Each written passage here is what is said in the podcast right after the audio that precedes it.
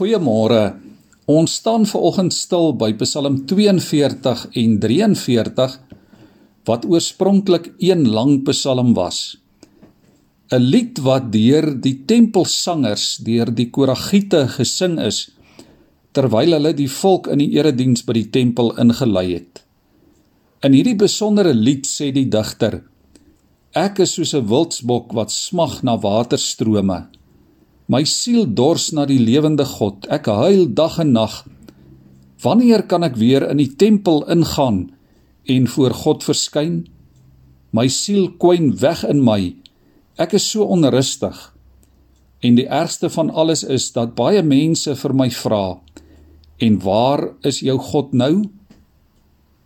Liewe vriende, 'n mens besef nie hoe kosbaar of waardevol iets is voordat dit nie eers in die weegskaal is en jy dit dalk kan verloor nie. Dis ook so met godsdiens. Dis ook so met ons verhouding met God. So maklik kan 'n mens dit wat deel is van jou verhouding met die Here as vanselfsprekend aanvaar dat jy amper onnadenkend daarmee besig is.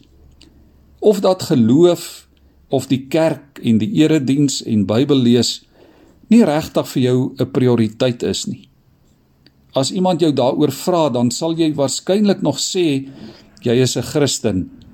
Maar dit wat deel is van Christendom is nie regtig vir jou 'n belangrike deel van jou lewe nie. Totdat jy dit dalk op 'n dag kan verloor. Of tot jy op 'n dag in 'n krisis is en ontdek dat jou siel leeg is sonder God. Ek het al dikwels in my lewe en ook in die bediening vir mense gesê: "Onthou tog, die kerk kan jou nie red nie. Die kerk kan jou nie in die hemel bring nie. Die erediens kan jou nie in die hemel bring nie. Ook nie heeldag se Bybel lees en bid kan jou in die hemel bring nie. Maar dis alles deel van ons verhouding met God." Die erediens is deel van ons verhouding met God. Kerk toe gaan en om waarlik kerk te wees, om gereeld Bybel te lees, om te bid, is belangrike tekens en gevolge van jou en my verlossing. Ek weet van baie mense wat iewers alleen in die natuur op 'n berg of by 'n waterstroom op pad na die spreekwoordelike Damaskus tot bekering gekom het. Maar ek weet ook van baie mense wat deur eredienste tot bekering gekom het. Baie mense wat deur gebed en Bybel lees en onder invloed van die kerk die Here ontmoet het. Die psalmdigter sê: Hoop op God, smag en verlang na God, soek na God, dors na God in sy heilige tempel. Dors na sy teenwoordigheid, soos wat 'n wildsbok in die woestyn dors na waterstrome. Hy herhaal dit 'n hele paar keer in hierdie twee psalms. Hoop op God. En dit het beteken om die Here op te soek, onder andere ook en spesifiek in die erediens en in sy woord en in gebed. Liewe vriende, mag die Heilige Gees in hierdie tyd in jou en in my hart 'n nuwe begeerte na God gebore laat word en 'n opregte behoefte na die erediens en na die kerk waar dit sal gaan oor die eer en die lof en die woord en die aanbidding van die lewende God. Kom ek lees vir ons die laaste vers van Psalm 42 en dan ook Psalm 43. Psalm 42 vers 12. Waarom kwyn jy weg my siel? En is jy so onrustig in my? Hoop op God, want ek sal hom, my God, weer loof vir die verlossing wat sy teenwoordigheid bring. Letterlik 3 keer herhaal die psalmdigter hierdie enkele vers met hierdie besondere woorde.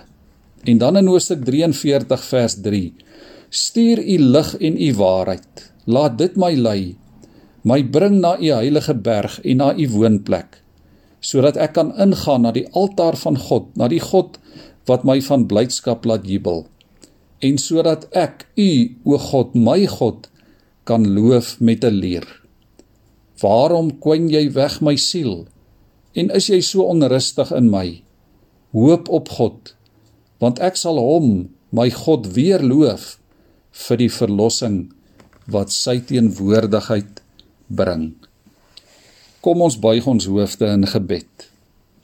Here, op hierdie koue wintersoggend kyk ons na die natuur daar buite.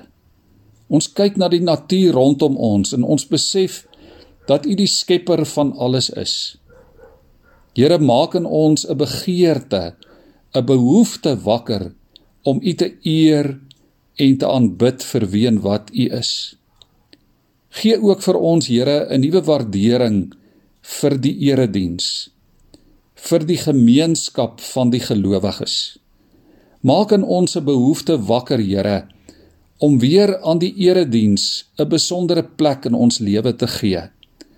Om soos die psalmdigter te bid en uit te roep: "Waarom kwyn jy weg my siel en is jy so onrustig in my?"